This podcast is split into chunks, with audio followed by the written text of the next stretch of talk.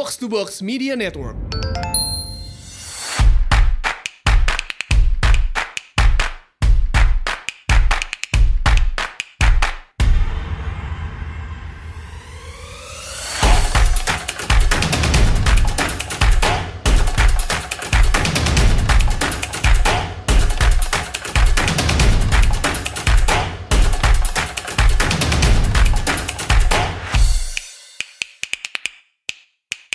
Selamat datang di Asumsi Bersuara dan sebelum kita mulai nih, gue mau cerita dulu dikit. Jadi gue tuh sekarang udah jarang banget pakai cash kalau ke mana-mana, kalau beli macem-macem. Gue tuh hampir selalu pakai dompet digital. Nah, tapi di antara semua dompet digital yang gue udah pernah pakai, gue tuh paling seneng banget pakai Dana.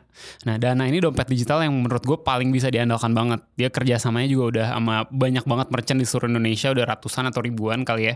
Bener-bener bisa dipakai di mana aja dan biasanya sih diskonnya tuh selalu lebih gede dari yang lain. Nah, selain itu, Dana juga punya yang namanya Dana Protection. Nah ini tuh fitur keamanan yang menjamin semua transaksi di Dana. Jadi nggak perlu khawatir lagi duit lo hilang atau gimana. Jadi langsung aja download Dana di App Store dan Play Store. Sekali lagi download Dana di App Store dan Play Store sekarang. Nggak ada alasan buat ditunda lagi. Download Dana di App Store dan Play Store sekarang juga. Dan kali ini kita dapat tamu spesial lagi nih datang ke studio. Uh, kayaknya semua tamu dibilang spesial nih, jangan-jangan. enggak lah, enggak. lah. ini benar-benar spesial. Makanya kita ada videonya juga. gitu. Yang lainnya jangan sirik ya. nah, eh, Mbak Rahayu Saraswati, Mbak Sarah, Thank welcome to the podcast, Mbak. Terima kasih. Eh, Mbak Sarah ini eh, anggota DPR periode 2014-2019 ya, yes. Eh, dari Partai Gerindra. Em, kita langsung aja nih Mbak, ini banyak banget isu yang lagi Silakan, lagi menarik nih sekarang nih yang kayak Mbak Sarah juga lagi perjuangkan.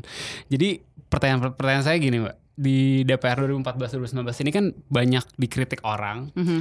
eh, kurang produktif gitu. Mhm. Jadi kayak dari dari lima tahun ini jumlah legislasi yang di yang goal tuh nggak banyak gitu. Ya. Selama lima tahun. Tapi tiba-tiba nih dalam beberapa bulan terakhir setelah pemilu justru wah langsung produktivitasnya meningkat. Tapi itu jadi concern banyak orang. Yes. Karena tiba-tiba dalam waktu dekat ada beberapa uh, undang-undang tuh yang kayak dikebut gitu. Ya. RKUHP, RUU KPK. Nah, itu nggak dikebut kali, kan itu kan udah 10 tahun dibahas. Justru it's tapi like waiting tahun long nggak terjadi time gitu apa-apa kan. gitu, Tiba-tiba sekarang kayak semuanya sepakat gitu. Apa eh, pengen tahu sih maksudnya what's the rush sih, Mbak? Kalau di, di Justru bukan what's the rush. Hmm. Ini ini ada beberapa hal yang Ya. I think is so important untuk bisa dijelasin kepada Hmm. masyarakat. Yang Hmm. pertama eh, bahwa kalau misalkan dikatakan eh, untuk membuat undang-undang itu sepenuhnya tanggung jawabnya di DPR, and Hmm. that's not true. Oke. Kenapa? Karena kalau misalkan kita membahas undang-undang harus melibatkan pemerintah. Oke. Nggak mungkin sebuah undang-undang dibuat tanpa membahas dengan pemerintah. Ada Ya. panja DPR dan ada panja pemerintah. Ya. Banyak sekali undang-undang atau rancangan undang-undang RUU yang dalam masa pembahasannya itu justru deadlocknya itu pada saat pembahasan dengan pemerintah. Oke. oke. Jadi misalnya eh, yang saya dengar misalnya dari beberapa RUU dari pansus-pansus dan panja-panja eh, dibuat lambannya itu pemerintahnya nggak datang-datang untuk pembahasan. Oke. Oke, so we need to be clear juga. Oke. Istilahnya eh, saat ini dibuatnya memang seolah-olah citra DPR. I'm not, I'm not saying itu sepenuhnya bukan pemerintah ya, tapi kita harus menaruh eh, apa perspektif yang tepat dalam arti fair juga gitu ya. Kalau misalkan kita bicara tentang tanggung jawab untuk membahas undang-undang, pemerintah pun juga ada tanggung jawabnya di situ. Oke. Kalau misalkan pemerintahnya nggak datang-datang, how can we uh, do pembahasan? Karena pasti dari pihak-pihak yang mau itu dari Kementerian Hukum dan HAM pasti mereka hadir karena ini hub- hubungannya undang-undang. Apalagi kalau misalkan ada ke- uh, pemidanaan, mereka pasti harus hmm. hadir karena mereka yang menyatakan bahwa apakah itu sesuai dengan yang bisa mereka jalankan atau tidak misalnya. I see. And so that's just a- itu itu itu satu satu satu hal yang harus dijelaskan. Lalu yang kedua, kita juga bicara tentang eh, bahwa oke di satu sisi memang DPR-nya sering kali yang from my experience melihatnya adalah ini kita beda ya sistemnya dengan negara lain. Eh, terutama misalnya kalau misalkan kita mau dibandingkan dengan Amerika nggak bisa. Di sana tuh cuma ada dua party. Di sini partainya ada sepuluh Iya, gitu loh ya. Dan yang terjadi di Indonesia itu bukan voting. Voting itu last resort. Di Indonesia ini adalah musyawarah mufakat. Oke. Which means kalau ada satu partai pun walaupun kursinya dia cuma 16 atau 20, Oke. dia bisa membuat pembahasan itu sulit. Jadi kalau lama. dia yes, kalau dianya nggak setuju nih, wah itu perundingan, pembahasan, pen, disku, you know, negosia, I'm sorry, negosiasi politik pun juga Lobby. sangat lobby-lobby itu terjadi. So and that dan dan eh, realitanya adalah karena ini ada berbagai macam eh, pihak ya stakeholders yang terlibat.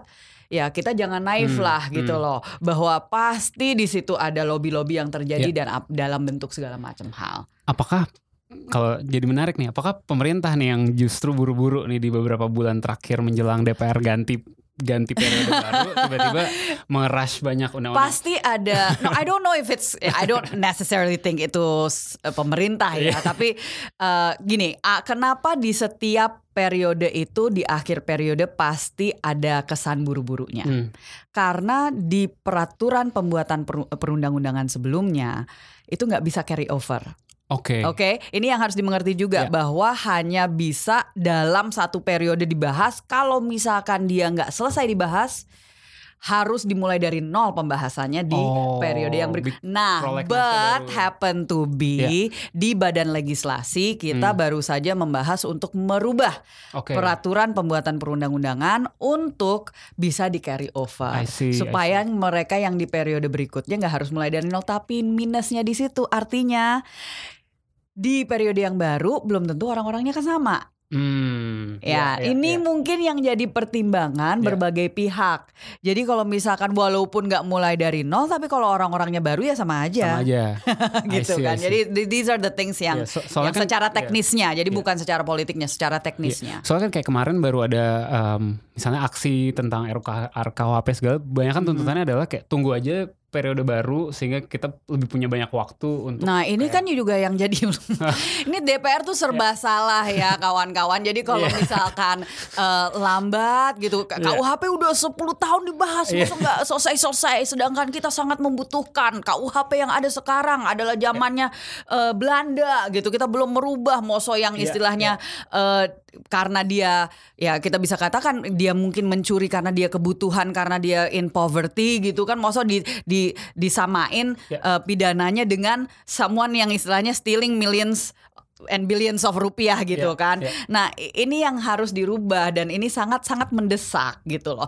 Tetapi terus sekarang dibilangnya keburu-buru loh ini yang bener yang mana gitu kan. It's dan dan kenapa lama itu pun juga yang dari saya dengar dari kawan-kawan di Komisi 3 karena just to be clear saya nggak terlibat di Hmm. Ya. RKUHP karena Ya. itu ada di Komisi 3. Kawan-kawan yang di Komisi 3 menyatakan bahwa itu kemarin itu sempat lamanya karena Ya. memang ada hal-hal yang secara ideologis itu I see. nggak meet gitu Oke. ya. Ada yang menyatakan bahwa oh itu harus dipidana. Ya. Sedangkan ada yang menyatakan itu overcriminalization. Ya. Terus habis itu juga sempat lamanya juga karena pemerintahnya nggak datang-datang. Ya. saya ini yang saya dengar ya. Saya mohon maaf kalau misalkan Ya. saya keliru, tapi ini yang saya dengar. Don't say bahwa ini Sarah yang bilang. Sebenarnya kenapa saya bahas RKUHP walaupun itu Komisi 3 karena ada Hmm. beberapa beberapa pasal kan kaitannya juga dengan Komisi 8 ya Mbak. Bahkan Komisi 8. Kayak Yes. misalnya ada beberapa pasal-pasal yang kontroversial nih. Ini juga harus clear ya Komisi Iya. 8 itu pemberdayaan perempuan, perlindungan Oh, anak, sosial, agama dan penanggulangan bencana. Iya.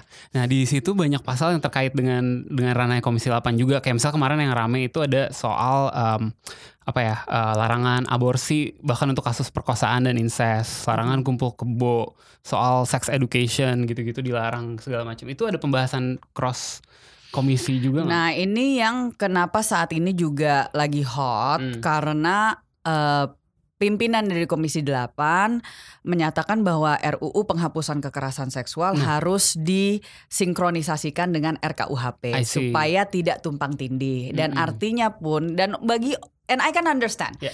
Bagi orang yang ngerti hukum pasti maunya itu di dalam kitab karena di yang berlaku di Indonesia ini kan kodifikasi. Ya. Yang ada di kitab itu seharusnya sudah menjangkau semua Betul. sehingga para aparat penegak hukum nggak harus buka satu-satu undang-undang Ya. kan gitu. Hmm.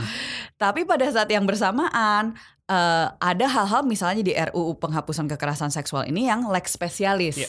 Seharusnya tidak harus menunggu atau istilahnya eh, bertumpu pada KUHP. Hmm. Tapi harus tetap pida, eh, soal pidananya itu harus disinkronisasi. Itu Iya. yang sistem pidananya itu Iya, yang iya, harus disi. Kalau eh, jadi kemarin itu sempat kita waktu bertemu dengan ka- kawan-kawan di komisi eh, komisi 3 Hmm. mereka memang menyambut baik karena yang jadi masalah sekarang di di DPR itu juga and, and ini sudah menjadi kritikan saya dari awal sebenarnya. Saya bilang satu, kalau misalkan sistemnya seperti ini di mana komisi itu dibagi berdasarkan mitra kerja bukan berdasarkan isu. Hmm. Ini jadi masalah. Kenapa? Karena kita untuk manggil misalnya Komisi 8 nih mau manggil polisi untuk bicara soal perlindungan perempuan dan anak. Hmm. Kita harus minta izin dulu nih sama Komisi 3. Oh, oke, baru Karena mitra kerjanya kom- Hmm. karena kom- polisi adalah mitra kerja Komisi 3. Oh, Nah, ini nih yang it's is not efficient dan gak efektif. Tapi kalau misalnya terus kita bicara pendidikan, pendidikan bisa dari segala aspek Iya, kan iya, gitu, iya. bahkan keterampilan dan seterusnya. Hmm. Mosok istilahnya komisi 10 nge- ah, nggak bisa ngobrol sama yang di komisi Ristek Dikti dan nggak bisa ngobrol dengan yang di UMKM dan eh, apa eh, koperasi dan seterusnya.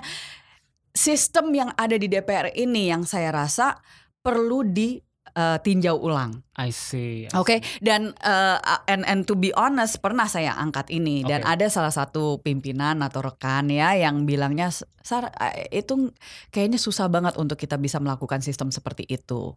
Karena nanti uh, kayaknya partai yang jumlah kursinya kecil bakal komplain Kenapa karena kalau isunya banyak banget mereka bakal kesulitan untuk naruh Oh. anggota di setiap komisi Iya, iya, gitu iya. kan. Jadi and ya beginilah Indonesia yang istilahnya oke juga ya. jadi agak Oke. susah nih kalau misalkan ya tapi in, my in my opinion sebenarnya kan sistemnya sebenarnya bisa Iya, itu iya. political will aja Iya. kalau misalkan eh, ada sekian banyak komisi ah, hanya ada sekian banyak anggota ya anggotanya mau nggak mau ya ada di berapa banyak komisi kan gitu nggak perlu dia hanya di satu komisi justru itu kan isunya ada segitu ya tergantung kalau misalkan dia memang misalnya for myself Hmm. saya bukan hanya aktivis perempuan dan anak tapi saya juga aktivis lingkungan hidup I would like to be involved untuk hal-hal Ya. yang berhubungan dengan perhutanan dan eh, apa namanya eh, pertanian dan seterusnya gitu kan Eh, tapi ya saat ini nggak bisa karena komisinya berbeda I see. Nah, jadi yang sering kali terjadi adalah pembentukan kaukus. Nah, kaukus itu artinya ya mereka yang memang misalnya kaukus perempuan parlemen atau ada satu lagi yang kaukus eh, ada yang kita mau buat eh, tadinya istilahnya kalau misalkan jadi lagi tapi karena nggak jadi lagi Hmm. jadi nggak jadi kayaknya. tapi ya harusnya ada juga kaukus anak misalnya Oke. gitu ya. Maksudnya jadi eh, anggota-anggota yang memang sangat concern tentang isu anak, tapi di mana pun dia berada komisinya dia bisa aktif untuk memperjuangkan hal-hal yang berhubungan dengan anak misalnya. Tapi berarti sempat ada komunikasi tuh antara kom- Komisi 3, Komisi 8 soal beberapa pasal-pasal. Kalau ini. yang soal ada, eh, uh, di yang ada di KUHP belum. belum. Oke. Nah jadi ini ini juga ini yang ya. harus ini Oke. juga yang harus dipahami Penting. Hmm. bahwa walaupun itu ada berkaitan dengan komisi yang lain, Hmm. bidang yang lain, belum ada sama sekali sebenarnya lintas- komunikasi lintas itu sangat minim dan sangat eh ya pokoknya hampir non-existent I see. sebenarnya. Ini sebenarnya jadi jadi satu poin yang menarik In- dibahas nih. Iya, karena ego eh, eh, di sini Dina, Ego ego, komisi. sektoral, Ego sektoral. ya. Inilah Oke, yang oke. dimaksud dengan itu bahwa enak aja nih RUU kita gitu I kan. see. Nah. Oke, oke, oke. Kalau gitu kita ke bahas ke RUU PKS Mbak. Ini kan something that's dear to your heart lah ya. Karena emang dari dari lama banget Yes. Mbak Sarah termasuk Udah salah satu termasuk yang, salah satu yang, yang memperjuangkan ini. sampai difitnah, Bo. Oh iya, gimana? Dibilang katanya, "Uh, itu Sarah pasti nerima duit tuh dari luar negeri." Ya Allah, saya langsung bilang, "Ngapain gue secara mohon maaf ya logikanya, ngapain gue terima duit sama sesuatu yang udah dari dulu gue di- udah dukung gitu ya kasarnya gitu." Tapi kalau misalkan ada duitnya, mana gue mau nih untuk bangun safe house gitu loh. Kalau ada please, where? I would like. Nggak tertutup kok pintunya.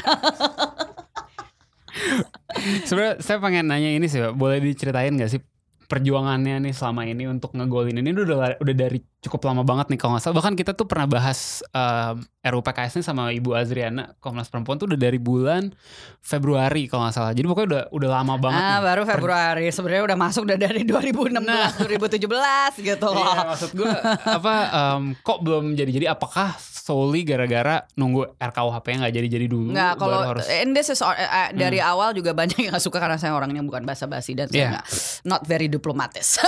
Kita seneng yang gitu. Iya, makanya jadi media darling gitu kan Di- di- dikiranya bakal uh bakal buat uh, heboh gitu ya. Iya. No, but uh, untuk hal ini I have to be completely honest bahwa Iya. yang yang pertama kita eh, jujur aja banyak eh, anggota DPR yang memang tidak setuju dengan RU ini Oke. ya satu eh, karena masalah bukan masalah ya tapi this is just realitanya Hmm. secara ideologi berbeda Ya. ya Eh, bukan berarti ideologi mereka salah Ya. enggak tapi aja. ini beda dan Hmm. artinya apa ya kalau kita bicara toleransi ya kita harus memahami bahwa we need to find eh, middle ground Ya. gitu loh. Bagaimana gimana caranya untuk tetap bisa menghadirkan perlindungan perempuan dan anak bahkan perlindungan semua korban ya bahkan laki-laki korban kekerasan seksual di Indonesia yang artinya ya harus ada kompromi dalam hal Hmm. ini. Hmm. Nah, ini yang yang agak susah dicari karena waktu di awal itu kita baru mau ngebahas tiba-tiba ada langsung kita harus menolak gitu kan.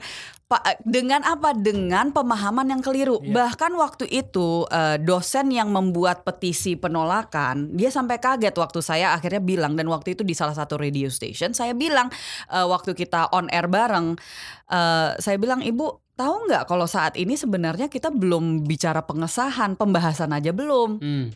Jadi waktu itu yang kenapa itu sempat rame karena dikiranya bahwa draft yang keliling yang yang udah viral itu adalah Salah. draft final. Oh, oke. Padahal pembahasan aja belum. Nah, jadi ini yang waktu itu sempat akhirnya jadi apa tantangan utama dan Hmm. terbesar adalah karena belum kita melakukan pembahasan sudah ada penolakan yang mau tidak mau karena berdasarkan ideologi juga akhirnya ada eh, yang mulai resisten anggotanya. Hmm. Eh, dan resisten itu karena satu bisa saja karena memang dia secara ideologi dia percaya bahwa ini sangat bertentangan dengan ideologi dia mungkin tapi I'm not gonna deny the fact bahwa kemungkinan juga ada yang eh, resisten karena takut nanti dimarahin sama konstituen kehilangan I see, suara I see. Hmm.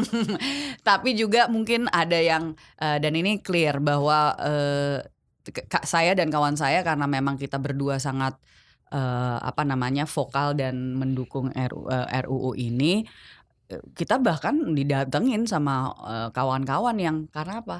Takut nanti dipidana Takut dipidana. Oke. istilahnya Justru- mereka takut nah gini, nah ini ini harus clear dulu ya ada dua sisi juga ada yang istilahnya memang mereka pelaku mungkin ya karena istilahnya gila nih RUU-nya kayaknya drastis banget so ekstremis gitu Gua ya kena nih. Eh, nanti mosok cuman disenggol aja gitu ya Iya. sorry ya Eh, senggol aja tuh udah langsung dipidana gitu Iya, iya. kan Eh, apa namanya tapi ada juga yang satu sisinya itu takutnya istilahnya gini jangan sampai RUU ini nanti kalau misalkan disahkan malah disalahgunakan Hmm. karena ini juga sering terjadi di mana ada false accusation. Iya.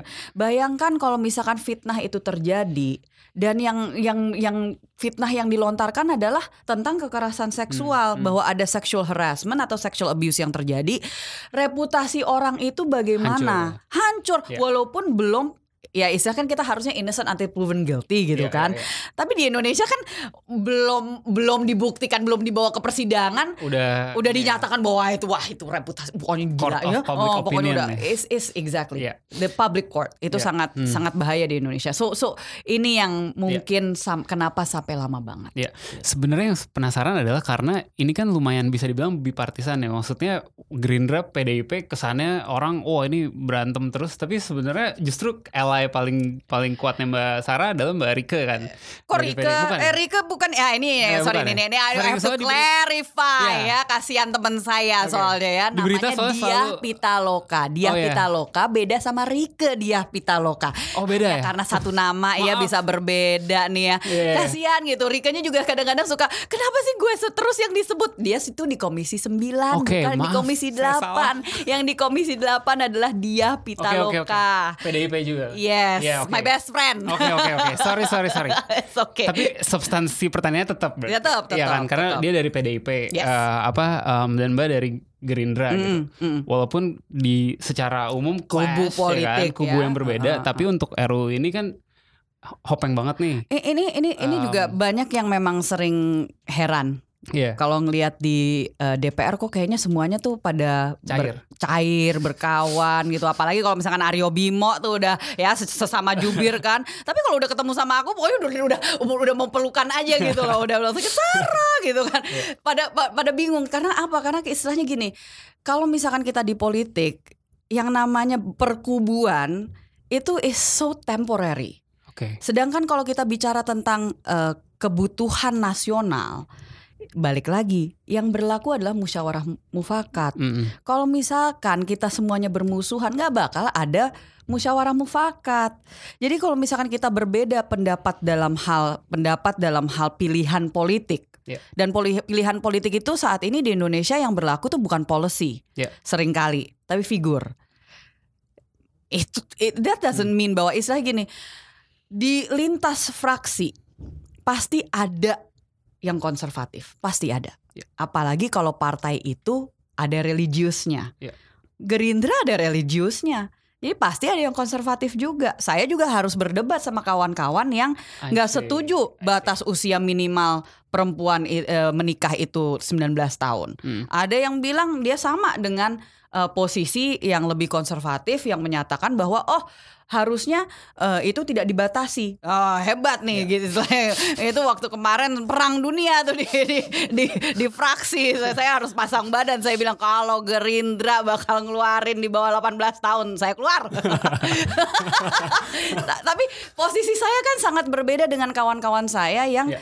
Mau nggak mau memang mereka kadang-kadang saya it happens gitu Ya. loh bahwa ada yang harus membahas membah- me- membaca membaca keputusan fraksi dia nangis. Tapi bagaimanapun juga karena apa posisi dia sangat berbeda. Kalau saya masuk nggak masuk ada di politik nggak ada di politik, I can still do my thing. Tapi bagi mereka banyak yang ini adalah karir mereka. Kalau mereka berbeda po- posisi dengan partai, PAW lu gitu kan. Tapi pertanyaan saya sebenarnya adalah karena ya em, kan Sorry ya jadi Iya. eh, saya suka Gak apa-apa mbak. muter-muter dan Gak apa-apa. iya. Pertanya- Oke, pertanyaannya kita semuanya masih bisa bertawan, berteman dan berkawan. Maksud saya ini kan dua partai besar, dua-duanya mendukung. em, yang menolak-nolak kan banyak kan justru dari partai yang kecil gitu. Up, what's stopping you from em, ya udah push through aja gitu. Walaupun ya, Ya karena balik lagi Yang tadi itu. eh, yang tadi itu tadi bahwa di setiap partai di setiap partai pun masih di setiap masih- partai jadi mau it- internal di Gerindra dalam di dalam Gerindra, di PDI Perjuangan, di mana pun Hmm. itu pasti ada pihak-pihak yang agak resisten. I see. Oke, Eh, dan I'm not gonna lie, bahkan di Gerindra pun juga kemarin juga sempat ada yang sampai deklarasi menolak RUU penghapusan kekerasan seksual. Saya sampai harus bilang Pak, eh, kenapa? Gitu. Dan saya harus menjelaskan secara detail ruh dari RUU ini. Hmm, Dan saya bilang yang menolak itu karena berdasarkan draft yang belum dibahas. see. Ya. Kalau kita mau merubah draftnya masih bisa. So what's the problem kan Ya, gitu. ya, ya. Nah jadi eh, apa namanya eh, back again. Kenapa ini kita bisa strong? Karena kita berdua ya, saya dan dia, bukan Rika, Ya, saya dan Diah, sorry, saya, sorry, da- sorry. saya dan dia, kita berdua adalah kapoksi. Kita Hmm. ketua poksi, jadi mewakili fraksi masing-masing. Artinya suara kita didengar. Ya. Kita yang mewakili fraksi. Kalau misalkan itu adalah yang mewakili fraksi adalah individu yang sebenarnya bertentangan, bisa beda lagi. Jadi ini pun juga sebenarnya di dalam internal partai-partai yang terkesan di dalam panja RUU ini menolak, ada pihak-pihak yang benar-benar sedang berjuang Oh. juga dan istilahnya eh, ini yang harus dipahami bahwa politik itu is not black and white. Iya. Ini nggak hitam putih kawan-kawan. Kalau misalkan di politik itu pas karena apa? Karena faktornya terkecil itu adalah manusia. Manusia yang sem- satu dengan yang lainnya bisa berbeda dari satu isu ke isu lain. Iya. Bisa aja kita sama dalam hal ini tapi mungkin berbeda dalam capital punishment Iya, iya. misalnya see, ya death penalty. Nah ini yang eh, ini yang harus dilihat bahwa memang sangat tergantung dengan individu yang eh, punya eh, apa ya not kepentingan tapi istilahnya memang eh, passionate gitu tentang tentang hal itu. M- kawan saya mungkin tentang pertahan pertanahan nih sekarang nih Hmm, yang lagi rame hmm. juga kan. Itu juga ada yang sangat passionate tentang itu untuk menolak. Jadi Gerindra memang sikapnya saat ini menolak. I see, I see. Gitu. Jadi nggak nggak sesimpel oke sik, sikapnya Mbak eh, Sarah begini, sikap partai begini, ya udah partai Gerindra dukung. saya saya Gerindra saya gitu. harus berjuang tiap kali. bahkan di Un- dalam internal. Jadi misalnya yang soal Perpu Kebiri, Hmm, ya masih ingat Iya, iya. ya. Itu karena saya benar-benar bawelnya minta ampun. And I have to say ya namanya juga parlemen, parle ya. Memang tugas kita itu udah Iya. bawel ya. Iya. Jadi kalau misalkan dibilang bahwa anggota DPR nggak bisa diem semuanya, ya, Ya memang iyalah. kita tugasnya nggak boleh diem gitu. Kalau diem ya ngapain ada di DPR Iya, kan iya. gitu. Tapi kita memang harus bersuara. I mean that's our point. The, the, the whole job, our job adalah untuk menjadi suara bagi mereka yang tidak bisa menyuarakan Iya. sendiri gitu kan. Jadi saya waktu itu menyuarakan aliansi 99 organisasi dan semuanya itu adalah mereka yang secara setiap hari mendampingi korban. Bayangkan. Dan mereka menolak perpu itu waktu itu. Nah ini yang walaupun nggak populer, tapi saya harus memperjuangkan itu dan itu benar-benar saya bawelin para pimpinan saya pokoknya ini nggak bisa bla bla bla bla bla bla bla. Jadi eh, apa namanya waktu itu kita menolak itu bukan karena kita oposisi. Hmm. Nah ini yang mungkin langsung dipikirnya kan, oh Gerindra PKS menolak. menolak. hanya karena oposisi. No, banyak yang bahkan kita sering kali dibilang sama kader-kader, kenapa sih ke, kayak dari kemarin Gerindranya nggak bersuara untuk menolak ini? Serba salah lagi gitu ya. Kalau misalkan kitanya menolak dibilang hanya karena posisi. Tapi kalau misalkan kita nggak menolak katanya kok kayaknya eh, nggak terlalu kuat mana taringnya gitu. Ah pokoknya eh, whatever. Tapi intinya untuk hal-hal yang seperti ini eh, ya saya pasti akan me- menyuarakan kebenaran yang saya ketahui dan berdasarkan fakta. Oke oke. Mbak kita move on dikit nih ke ya kayaknya satu berbeda. jam langsung Iya. sorry ya Eh, jadi kan gini, ini sebenarnya sangat disayangkan nih mbak kan mbak mbak Sarah nggak lanjut lagi ke periode berikutnya nih mbak. Iya. Tapi saya nggak nggak mau bahas soal kenapa atau apa sih. Tapi saya lebih pengen eh, mungkin mbak Sarah bisa Ntar takutnya saya curhat selama sejam sendiri buat itu. Enggak, enggak, enggak apa-apa. Terus saya- mungkin mbak Sarah bisa look back gitu over the past five years. um, mulai apa, nostalgia. apa aja yang kayak um, apa yang mbak Sarah senang udah udah berhasil diperjuangkan atau udah Oh udah yes. terjadi. Eh, Dan juga mungkin abis itu mungkin yang yang masih if you could turn back time apa yang mau ditambah lagi juga. If I could turn back time. Eh, ya, yang pertama eh ya achievement dulu kali Iya, ya. Eh, for sure adalah undang-undang penyandang disabilitas. Oke. Karena itu juga merupakan perjuangan, tapi ya salah satu hal yang kita lintas fraksi semuanya setuju. Dan itu betul-betul saya melihat kita eh, jadi ini apa United Front Hmm. gitu ya M- bukan melawan tapi berhadapan dengan pemerintah yang mohon maaf waktu itu sangat keberatan dengan satu kata kata harus atau Oke. kata wajib jadi kita di DPR memperjuangkan bahwa negara wajib hadir Hmm. bagi penyandang disabilitas. Artinya apa? Wajib untuk providing aksesabilitas, wajib untuk pendidikan inklusif, wajib. Itu kata wajib tuh bisa sat- hanya satu pasal tuh bisa satu jam. Nah, mereka maunya apa? Sebaiknya pemerintah sebaiknya I- ya, bahkan buat mereka ya eh, dapat dapat. Dapat memberikan akses. Da- jadi nggak harus gitu ya. Enak banget. Oh yoi jadi waktu dia dengan mereka waktu itu alasannya ya karena ini akan sangat sulit bu realitasnya kita ada gitu jadi eh, ya mohon maaf itu waktu kemarin menjadi salah satu hal yang saya seangkat sangat keras waktu pilpres ya tapi maksudnya bahwa memang itu salah satu hal yang saya secara bangga kita sebagai DPR perwakilan rakyat betul-betul memperjuangkan kaum penyandang disabilitas secara eh, apa eh, kompak Eh, itu mungkin achievement salah satunya kita waktu itu akhirnya berhasil untuk membahas dan menyelesaikan eh, dan disahkan tahun 2016. Eh, jadi itu mungkin salah satu undang-undang yang pertama yang kita istilahnya Betul. real undang-undang Hmm. ya beda dengan istilahnya revisi terbatas Iya, dan iya, sebagainya. iya. Tapi ini betul-betul rancangan undang-undang yang Produk baru. Eh, dan itu adalah eh, yang pengusung happen to be Gerindra. Oke. Jadi eh, cukup bangga dengan itu. Lalu yang kedua, kalau tadi ditanya mungkin apa yang so- coba gitu Iya, maksudnya coba bisa ya. eh, bisa ditinjau ulang ya saya rasa eh, soal ya itu yang soal kebiri itu Hmm. gitu. Eh, not so it's not bukan bukan mengatakan ini nggak penting Mungkin tapi Mbak Sarah boleh eh, buat yang Jelasin. belum ya mungkin Ya. ada yang belum apa em, Sure, sure. ya. Eh, jadi waktu tahun 2016 juga eh, pemerintah mengeluarkan Perpu. Jadi presidennya itu eh, keputusan presiden yang istilahnya harus. Nah ini ini yang sering kali di, Hmm. di, di jadi orang nggak paham bahwa di DPR itu kalau misalkan presiden mengajukan Perpu, Ya. DPR hanya bisa menerima atau menolak. Ya. Tidak bisa melakukan revisi Perubahan, oke. atau perubahan Ya. atas Perpu itu. Itu yang jadi masalah karena di dalam walaupun ruh dan semangatnya kita semua sepakat, di dalamnya banyak banget permasalahan. Oke. Ka- permasalahan yaitu yang tadi secara implementasi itu akan jadi Hmm, itu kenapa sampai sekarang kita melihat realitanya sudah lebih dari dua tahun karena kan 2016 tuh harusnya dua tahun se- setelah itu peraturan perundang-undangannya PP-nya itu sudah keluar. Iya.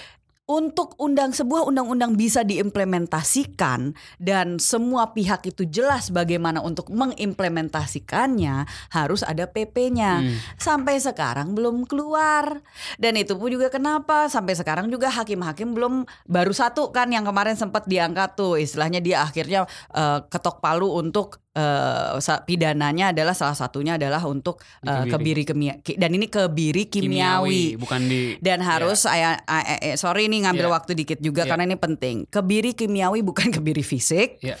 Dan ini hanya bisa di dalam Perpu itu jelas bahwa itu diberikan kepada mereka yang sudah melakukan istilahnya lebih dari sekali. Jadi mereka serial rapist. Iya, se- Ya. udah kedua kalinya ketangkep gitu ya atau udah berapa kali ketangkep.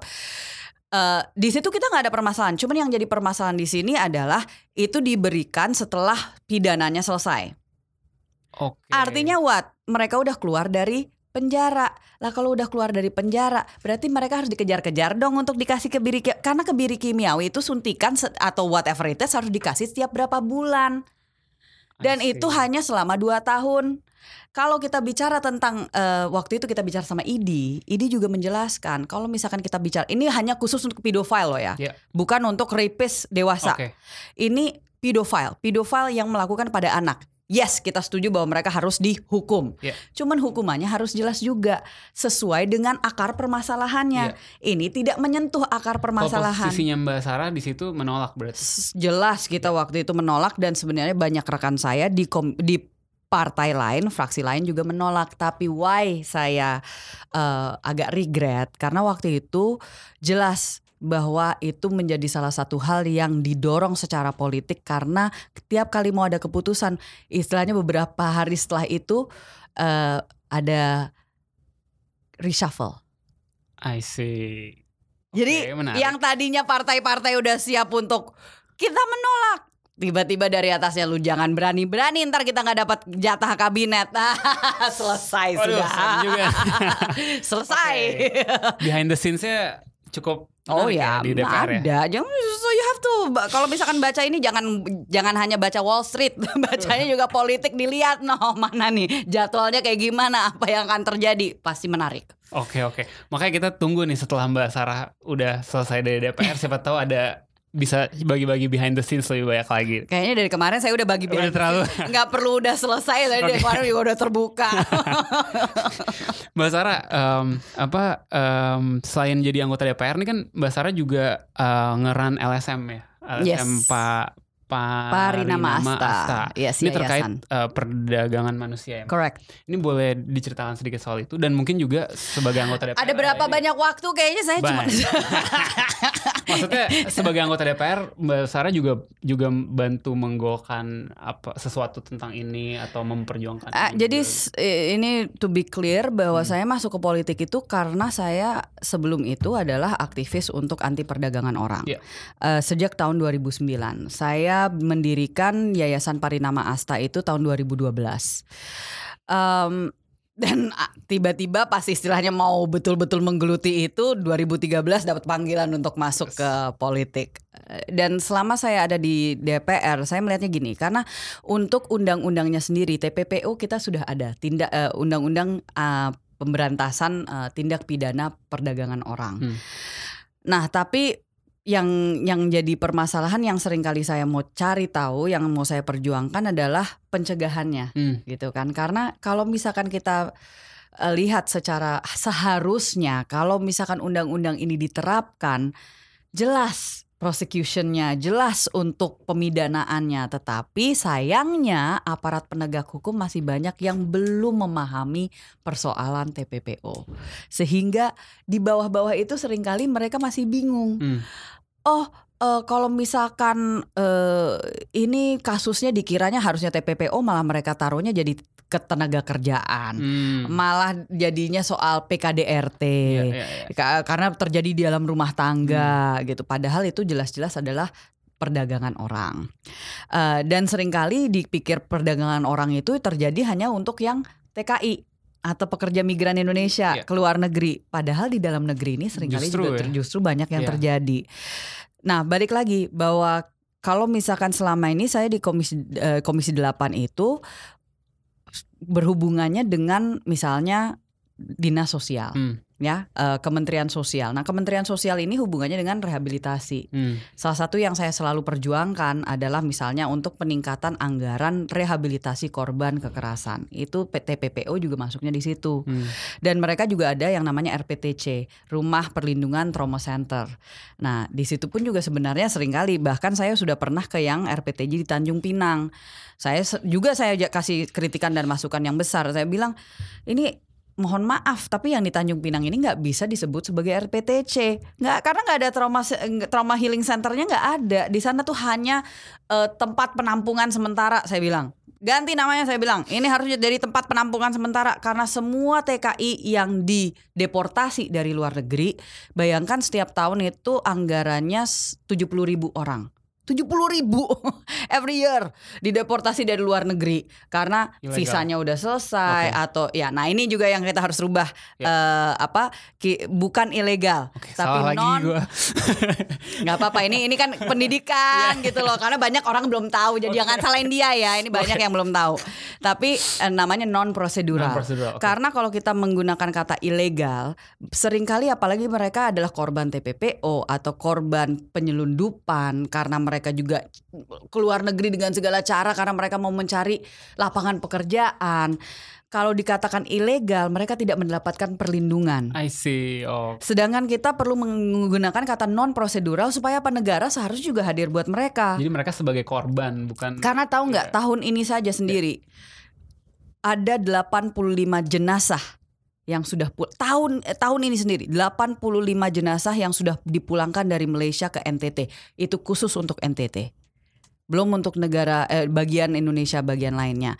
Jadi eh, ini dan bisa dikatakan 95% dari 85 jenazah itu semuanya adalah non prosedural PMI I see. dan dan mereka kenapa kok bisa meninggal di luar negeri sering kali karena apa karena mereka merasa kalau mereka akhirnya lapor apa yang terjadi pada mereka mereka dideportasi begitu saja tanpa mendapatkan perlindungan Hmm. adanya rasa takut gitu. Nah ini yang ini yang juga kita terus perjuangkan. Jadi hal-hal seperti ini terus saya dan saya juga bagian bukan hanya Komisi 8 tapi juga tim Was TKI. Jadi kita juga memperjuangkan untuk adanya one stop shop istilahnya ya, tempat di mana satu tempat untuk mendapatkan eh, paspor, untuk mendapatkan izin untuk bisa bekerja ke luar negeri dan seterusnya, untuk mendapatkan pelatihan. Karena ini yang jadi permasalahan juga Indonesia ini adalah salah satu eksporter eh, pekerja migran yang non formal. Jadi eh, non formal itu artinya apa? Mereka bukan professional Iya, workers. Eh, da- salah satu yang terbesar di dunia. Di- kita eksporter untuk eh, migrant workers eh, kedua di dunia setelah Philippines. Tapi Philippines itu perbedaannya dengan Indonesia lebih banyak profesionalnya dibanding non profesionalnya. Indonesia lebih banyak non profesionalnya dibanding profesionalnya.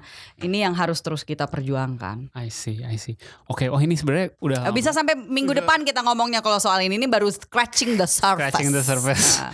Terakhir dari saya nih, ntar ada beberapa dari netizen. Oh, Oke. Iya, terakhir dari Kirain saya. Terus lanjut. Jadi rame banget kemarin beredar wacana nih Mbak Sarah. Ini saya berharap banget ini benar nih. oh, Ya, jadi katanya ada wacana Mbak Sarah bakal gantiin Bang Sandi. oh ada pendukung di sini.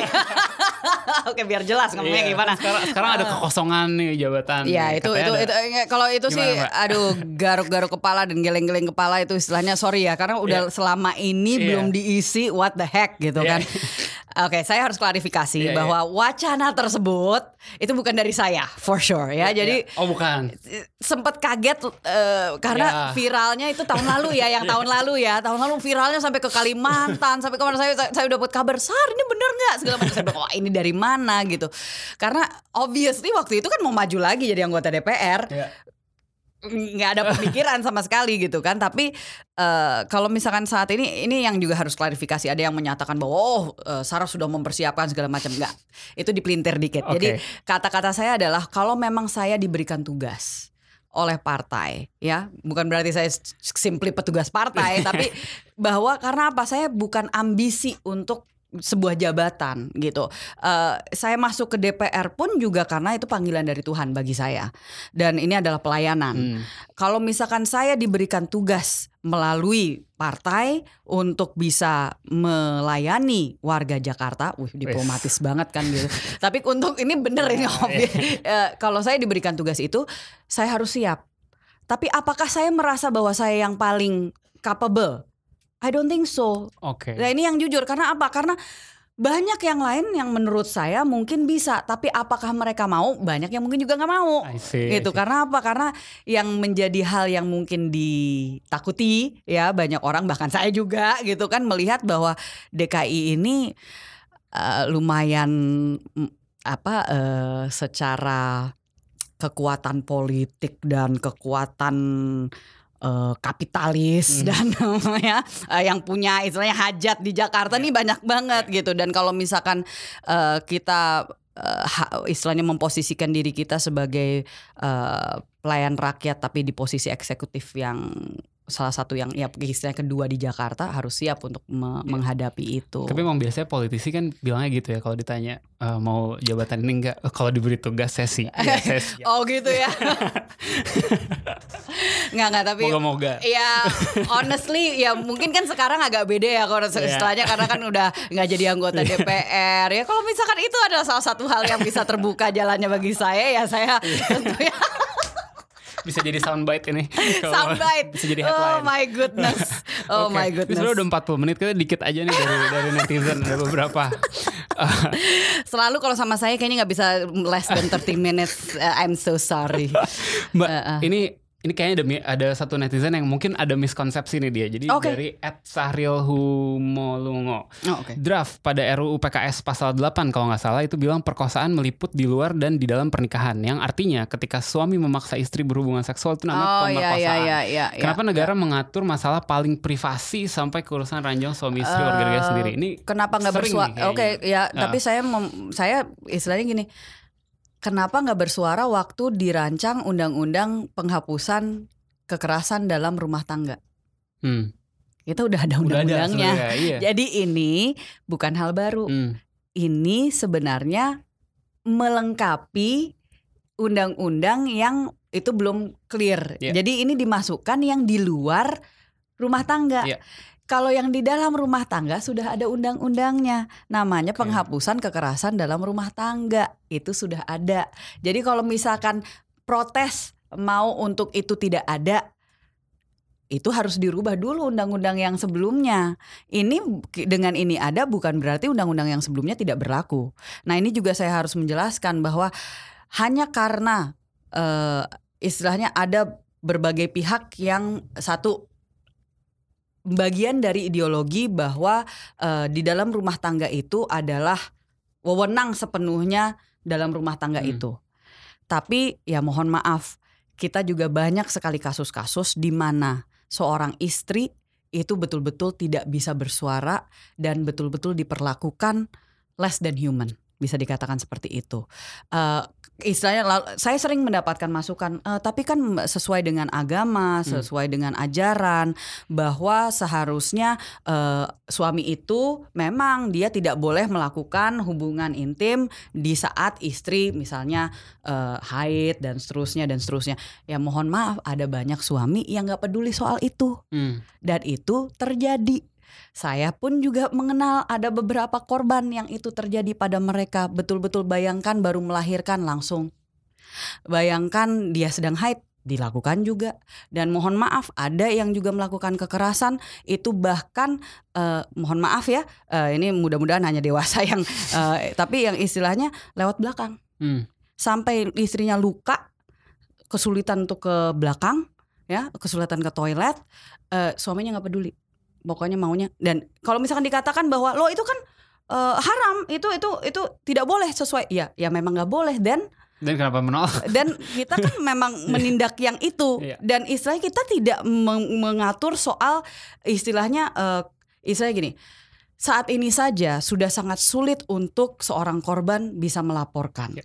apalagi untuk ke persidangan kalau misalkan yang terjadi hanya karena ya ini mohon maaf bukan saya men- me- me- me- merendahkan atau menyepelekan ya tetapi misalnya lagi nggak mood gitu ya. I- tapi kan ada ada, ajaran-ajaran untuk bagaimana eh, istilahnya sakinah mawadah. Ya itu kan saya ini sebagai saya kadang-kadang suka salah ngomong gitu ya, tapi istilahnya eh, bagaimana kita untuk memastikan keluarga itu betul-betul sesuai dengan ajaran Hmm. gitu kan. Itu ada. Nah, tapi kalau yang kita bicarakan adalah yang betul-betul ada unsur kekerasan, Ya. violence. Kekerasan di mana itu pemaksaan yang sudah nggak masuk akal lagi. Gitu loh. Yang bisa dinyatakan itu haram Ya. oleh ajaran. Nah, ini yang kita persoalkan gitu. Iya, loh. ini yang, yang miskonsepsinya juga kan kesannya kayak em, ini ranah privat gitu. Padahal kekerasan tuh bukan ranah privat gitu kan. Kalau bunuh orang di dalam rumah juga nggak bisa dibuat itu ranah privatnya gitu kan. Mungkin Iya. banyak orang yang yang arahnya ke Ya, situ. but back again karena pemikirannya, pemahamannya masih sangat berbeda dan saya nggak bisa menyatakan bahwa oh pemahaman kamu keliru, enggak. Tapi istilahnya kita juga harus menyamakan persepsi. Ya, ya. Oke, lanjut Mbak dari siap, siap. eh, Hilmi Bahi. Banyak pasal yang artinya sangat luas. Ini kayaknya tentang RUU PKS. Mhm. Salah satunya pasal 12 eh, dan pada pelaksanaannya itu sangat bisa disalahgunakan. Ini membuat pembahasan sangat panjang. Lalu apakah sangat urgent untuk dirilis walaupun banyak polemik. Jadi kayaknya kalau saya bisa membagi ya.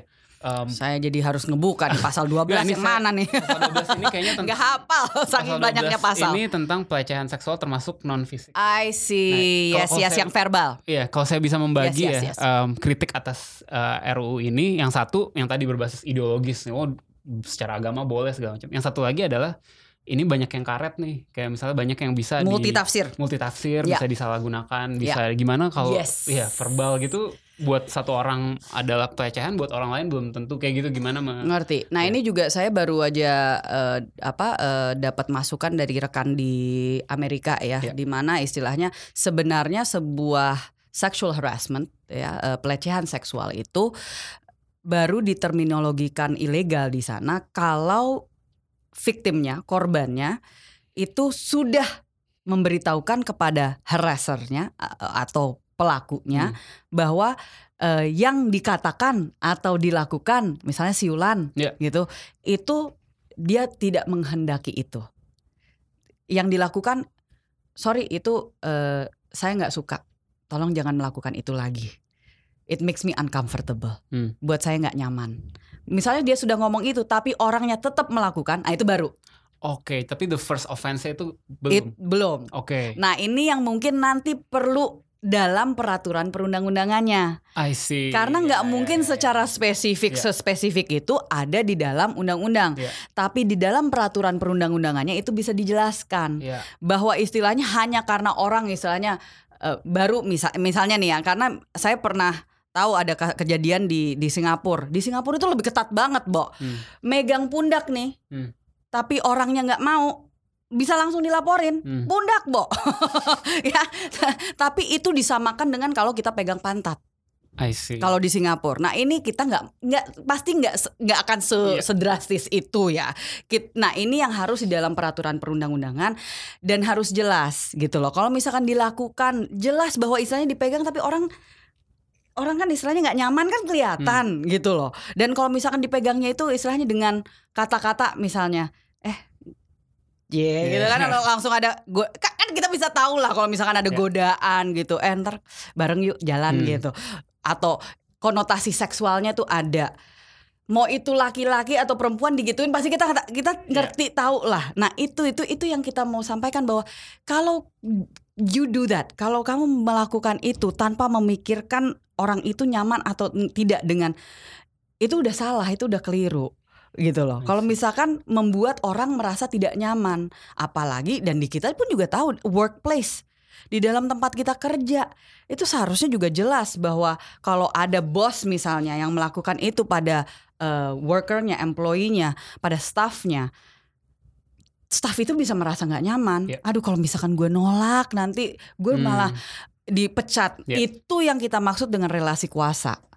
Ya, yeah. yang terjadi pada baik Nuril hmm. itu oh, juga yeah. relasi itu juga relasi kuasa dan itu verbal. Yeah gitu loh. Dan Tapi saat ini ini nggak bisa dikenain karena nggak ada di dalam undang-undang kita yeah. soal pelecehan seksual yang secara verbal, apalagi dia tuh ngerekam itu karena untuk menjadi bahan bukti. Malah dia yang kena. Malah dia yang kena gitu. See, so ini yang harus kita uh, nanti pasti akan sangat diperjelas dan saya saya setuju nggak bisa terlalu multitafsir tapi di dalam undang-undang ini sering kali kita nggak bisa terlalu detail.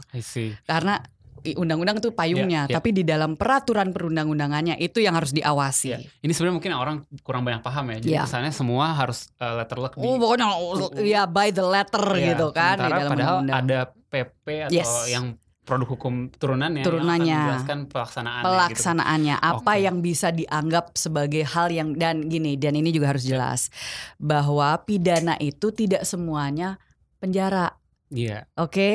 jadi yang ditekankan justru di dalam undang-undang ini adalah uh, misalnya ada rehabilitasi. Hmm. Kita justru sedang memperjuangkan supaya hello kayak kita ngelihat aja lapas kita udah over capacity semua gitu loh mau iya. ditaruh yeah. di mana lagi gitu kan kita justru menekankan rehabilitasi untuk pelaku karena kalau misalkan mereka keluar tapi mereka pemikirannya masih sama pemahamannya masih sama seperti sebelumnya apa yang akan membuat mereka tidak melakukan itu ya. lagi ke depannya. Nah, itu yang kita, jadi ada rehabilitasi dan bahkan juga satu hal yang ada di RKUHP yang katanya akan segera disahkan itu soal uh, community service. Oh, bu, udah mulai ada ya? Ada. Nah, itu baru dimasukin di dalam RKUHP. I see, I see. Gitu. Terakhir deh, ini kita ya. udah lama banget. Iya, iya, iya. Dari Karena banyak banget banyak yang dibahas. Kalau misalkan cuma satu, mah oke. Misalnya ini banyak Mumpung banget. ada tamu spesial kita Yo, gitu. hal dong. Tuh kan, tuh kan. Mbak, ini Ntar aku cek loh yang lainnya awas kalau dia ngomong kayak gitu juga kepada yang lain. lanjut lanjut. Ini dari at TN KRCHMNS. Mm, oh, hmm, wow. Nggak okay. Siapa nih namanya? Gimana cara uh, bacanya tuh ya? Saya punya pertanyaan bagaimana dengan perkawinan yang dipaksakan oleh yes. adat suatu masyarakat yes. adat. Ini kaitannya dengan yang kemarin yes. baru ini ya. Yang Jadi salah satu hal yang soal pemaksaan hmm.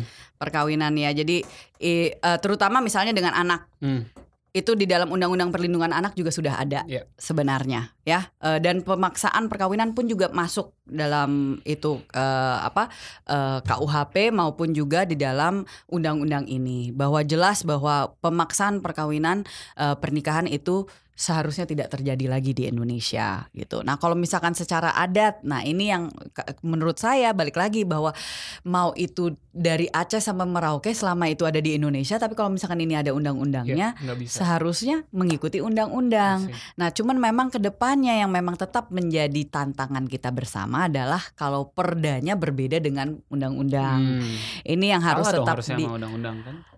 Ya, but sometimes, sometimes ya di Indonesia yang terjadi adalah uh, daerah-daerah kita ada raja-raja kecil. Oke, okay. ya. oh, ini topik lain lagi. Oh, topik, topik lain, lain lagi. lagi ya. Itu nanti bisa.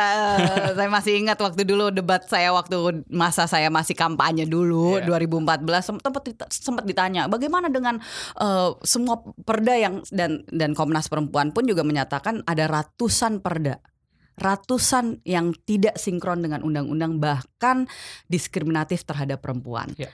Bahkan kalau nggak salah di Tangerang masih berlaku kalau perempuan di atas jam 9 Oh jam malam. Hmm. Itu bisa dipidana. Hello, kalau misalkan yang misalnya dia kerjanya lagi shift malam gimana? Ya. Apa bidan? Ya yang dia tiba-tiba dipanggil jam 3 pagi untuk bantu ngelahirin orang terus habis itu harus ditangkap gitu. Ini nih yang kayak gini nih yang eh, harus ditinjau ulang dan kita memang yeah. jadi PR kita ke depan. Okay. Spesifik itu untuk ini, subjek berikutnya. kemarin tuh banyak yang banyak yang uh, kan oh ini kemenangan gitu kan 19 tahun Mm, jadi mm, usia mm, mm, mm, minimum pernikahan. Tapi ad- kalau nggak salah ada ada diskresinya yang kalau orang tua orang tuanya Dispensasi. dispensasi sorry Mhm, Ya, mhm. ke orang tuanya perempuannya mengizinkan Ah, bukan hanya perempuan, Iya. dua-duanya. Kalau dua-duanya misal mengizinkan, ya, maka boleh. Sementara itu yang sering terjadi itu Iya. gimana tuh? Mbak? Ini yang Masih PR. masih PR ya. Ini aja mohon maaf nih, eh, waktu saya juga bagian dari badan legislasi yang membahas Hmm. soal undang-undang perkawinan dan jujur itu waktu kemarin saya lagi di Dubai aja lagi transit satu jam. Untung wi- apa walaupun wifi nggak nyala, saya paksain untuk datanya nyala karena tiba-tiba saya mendengar kemarin itu istilahnya tiba-tiba yang saya sudah memperjuangkan 19 tahun tiba-tiba fraksi saya turun ke 18 tahun saya bilang what the heck happened gitu kan perang langsung saya PO-in, PO-in. Eh, nggak bisa juga karena istilahnya ada yang cukup kuat juga itu. kan. Nggak, tapi gini karena karena gini karena balik lagi bukan saya menyatakan bahwa ideologinya itu salah, Hmm. nggak ya. Tapi memang ada pihak-pihak yang eh, pemahaman tentang ajaran mereka itu adalah istilahnya yang seharusnya syarat untuk menikah itu sudah haid misalnya. Iya. Hmm. Malah dirubah menjadi kalau dia sudah haid boleh menikah. Hmm. Iya iya iya. Nah, sekali lagi saya tidak menyatakan itu salah atau keliru ya karena itu bukan uh, ideologi saya atau itu bukan uh, pemahaman saya tetapi karena ada yang berpandangan demikian sehingga waktu kemarin itu kompromi jadi 18 tahun aja udah lumayan. Hmm. Hmm. Akhirnya kita harus melobi untuk 19 tahun karena mosok untuk laki-laki usianya diturunin dari 19 ke 18 karena kan harus disamain Hmm. gitu. Walaupun ada fraksi yang menyatakan oh kalaupun beda usia asal tidak terlalu jauh itu tidak diskriminatif Hmm. karena sesuai dengan istilahnya perannya masing-masing dan ke, ke kebutuhan ya pokoknya ya, kayak ya, gitulah oke. ya. Ya. Kayak kita ntar adanya gender equality oh Ya, langsung ya. kesetaraan gender langsung wah rame Episode lagi. berikutnya nanti. Iya, Iya. tapi eh, soal soal ini kenapa waktu kemarin eh, dan ini PDIP dan Gerindra lagi. Kita yang dua partai yang eh, fraksi yang Luar me- biasa ini. mengajukan 19 tahun pertama. Kenapa? Karena walaupun sebelumnya ada anggota dari fraksi kami dan fraksi lain yang mengajukan 21 tahun bahkan. Karena apa? Karena BKKBN menyatakan meng- mengeluarkan laporan bahwa perempuan di bawah 20 tahun bukan berdasarkan melahirkan, tapi berdasarkan berhubungan intim. Kalau misalkan perempuan di bawah 20 ta 20 tahun itu melakukan hubungan intim, mereka rentan terhadap eh, kanker serviks dan kanker mulut rahim. Berhubungan in- berhubungan intim. Hmm. Terus tiba-tiba ada yang, "Loh itu kan hanya kepada mereka yang zina." Lah. Eh, saya bilang saya mohon maaf bukan saya yang membuat laporannya, tapi dari yang saya baca mau itu sudah menikah ataupun belum eh, itu rentan pada kanker serviks dan kanker mulut rahim. Eh, jangan ketawa gitu loh, ntar orangnya komplain loh langsung ke sini ya. Maaf. Ibu, Ibu, ibu. Oh, kan. Eh, diskriminatif. diskriminatif. Prejudis. prejudis dong. Eh, tapi gini, tap, eh, apa dan dan dan dan kita harus menjelaskan bahwa yang kita perjuangkan saat ini karena gini bayangkan eh, anak mana sih ini? Saya kayaknya saya waktu 18 tahun gitu sesiap-siapnya saya siap sesiap apa sih untuk punya keluarga sendiri, menafkahi keluarga sendiri. Nah, itu kata kunci juga. Hmm. Kenapa ada beberapa orang beberapa anggota yang memperjuangkan 21 tahun? Bukan hanya soal ke- eh, kesehatan reproduksi tadi, tapi juga soal menafkahi keluarga. Istilahnya semateng apa sih? Iya. Kan tingkat perceraian di Indonesia ini meningkat. Salah satunya yang memang saya ketahui permasalahan yang diangkat itu bukan soal perzinahan loh, tapi soal permasalahan keuangan Hmm. menjadi salah satu alasan perceraian terjadi tertinggi ya karena masalah keuangan. Jadi bayangkan belum lulus SMA, belum kerja sudah diizinkan menikah hanya untuk menghindari dosa. Jadi kita balik lagi, loh ini lucu karena ada pihak yang menyatakan, oh nggak usah nih R- eh, RU penghapusan kekerasan seksual, mendingan RU ketahanan keluarga. Padahal ada pihak-pihak yang menyatakan, ngapain ketahanan keluarga, ngapain KDRT, kan itu kan ranahnya privat. Hmm. Ini bakal rame lagi gitu kan. Terus habis itu ada pihak yang menyatakan kalau misalkan ketahanan keluarga dan kenapa perlu ada RUU ini gitu kan? Harunya Karena k- eh, kalau kita bicara ketahanan keluarga berarti nanti seharusnya hal-hal yang pergaulan bebas dan seterusnya itu tidak terjadi. Tapi saya perlu mengingatkan lagi kenyataan di Indonesia berhubungan dengan perdagangan orang nih. Banyak sekali orang tua usia produktif harus merantau. Akhirnya apa yang terjadi? Anak-anaknya ditinggal sama nenek kakek yang kebanyakan tidak bisa mengawasi anaknya, cucunya. Yang apa yang terjadi ya pergaulan bebas. Hmm. Ini kenapa kami waktu kemarin itu sebelum akhirnya disepakati 19 tahun dan tetap sekarang Gerindra yang eh, mendorong bahwa apa pun usia berapapun itu, kalau di bawah 21 tahun, 19 tahun atau 18 tahun, tetap harus negara hadir meningkatkan pendidikan kesehatan reproduksi. Karena kita bukan menyatakan ke- eh, pendidikan seks loh ya. Iya. Bukan berarti mereka dididik untuk bagaimana untuk having sex, enggak. Kesehatan reproduksi artinya apa? Mereka supaya ngerti kalau kamu melakukan ini tanpa ya di dalam eh, rumah tangga dan ka- tanpa kamu siap kalau kamu di bawah 20 ta- 20 tahun kamu akan rentan pada ke- ke- eh, kanker serviks dan kanker eh, mulut rahim. Ya. Kalau misalkan kamu having sex kamu bisa hamil. Hmm. Kamu siap nggak untuk mengurus anakmu sendiri? Kalau misalkan kamu having sex kamu bisa rentan apalagi pergaulan bebas dengan eh, apa eh, penyakit seksual menular. Ya kan? Which apa? Go- eh, gonorea, klamidia dan seterusnya. Mereka banyak paling yang yang kagak tahu itu apaan. Yang dewasa aja mungkin juga Ya. kagak tahu. Sedangkan di luar negeri yang kita diajari kesehatan reproduksi itu itu. Ya.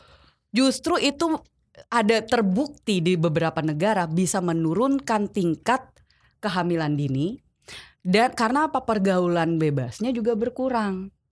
Karena mengerti resikonya apa kalau mereka melakukan itu di sini boro-boro. Jadi banyak yang komplain soal batas usia minimal itu karena menyatakan oh toh juga mereka udah pergaulan bebas ya itu juga harus diatasi bukan berarti kita membuka seluas-luasnya siapa pun bisa menikah supaya eh, mereka nggak dosa gitu kan supaya bisa lebih diawasi oleh keluarga dan seterusnya. It's not itu bukan solusi pada permasalahannya. Permasalahannya tetap harus dicarikan solusinya. Oke, sip. Kita udah 60 menit lebih. Hai, saudara-saudara sebangsa dan setanah air, mohon maaf, semoga nggak ketiduran dan nggak Enggak lah, ngantuk nggak ada ya. yang ketiduran. Terima kasih banget nih Mbak Sarah waktunya udah Sayang, mau datang kasih. ke studio ini dan berbagi sama kita. Banyak banget informasi baru, edukasi buat kita. Saya sih banyak belajar. termasuk termasuk non diskriminatif dan non prejudice. Iya. Terima kasih banyak Mbak Sarah waktunya. Terima kasih. Thank you so much. Thank Thank, you you. so Terima much. kasih sudah diundang. Sampai eh, jangan lupa follow Asumsiko, follow Box to Box ID. Sampai jumpa lagi hari Selasa depan di Asumsi Bersuara berikutnya.